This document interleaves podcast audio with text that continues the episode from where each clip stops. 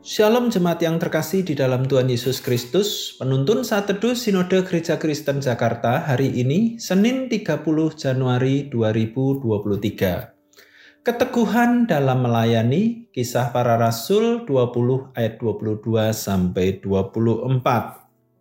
Tetapi sekarang sebagai tawanan roh, aku pergi ke Yerusalem dan aku tidak tahu apa yang akan terjadi atas diriku di situ, selain daripada yang dinyatakan roh kudus dari kota ke kota kepadaku, bahwa penjara dan sengsara menunggu aku, tetapi aku tidak menghiraukan nyawaku sedikit pun, asal saja aku dapat mencapai garis akhir dan menyelesaikan pelayanan yang ditugaskan oleh Tuhan Yesus kepadaku untuk memberi kesaksian tentang Injil kasih karunia Allah.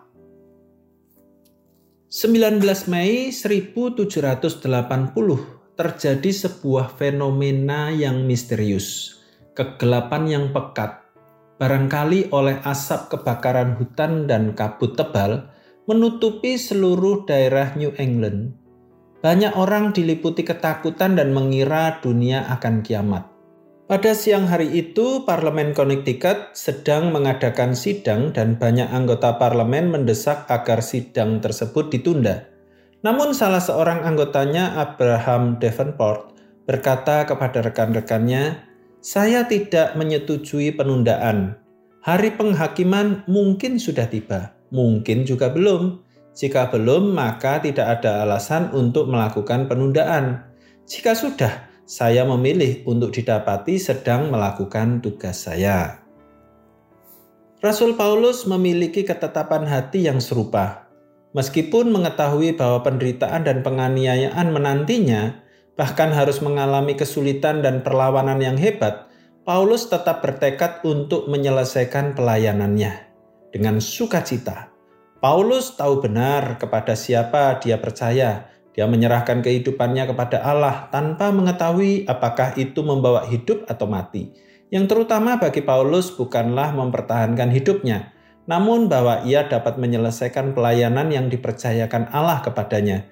Di mana pun tugas itu berakhir, bahkan dengan mengorbankan nyawanya, ia akan menyelesaikan pelayanannya dengan sukacita dan doa agar Kristus dengan nyata dimuliakan di dalam tubuhku, baik oleh hidupku maupun matiku.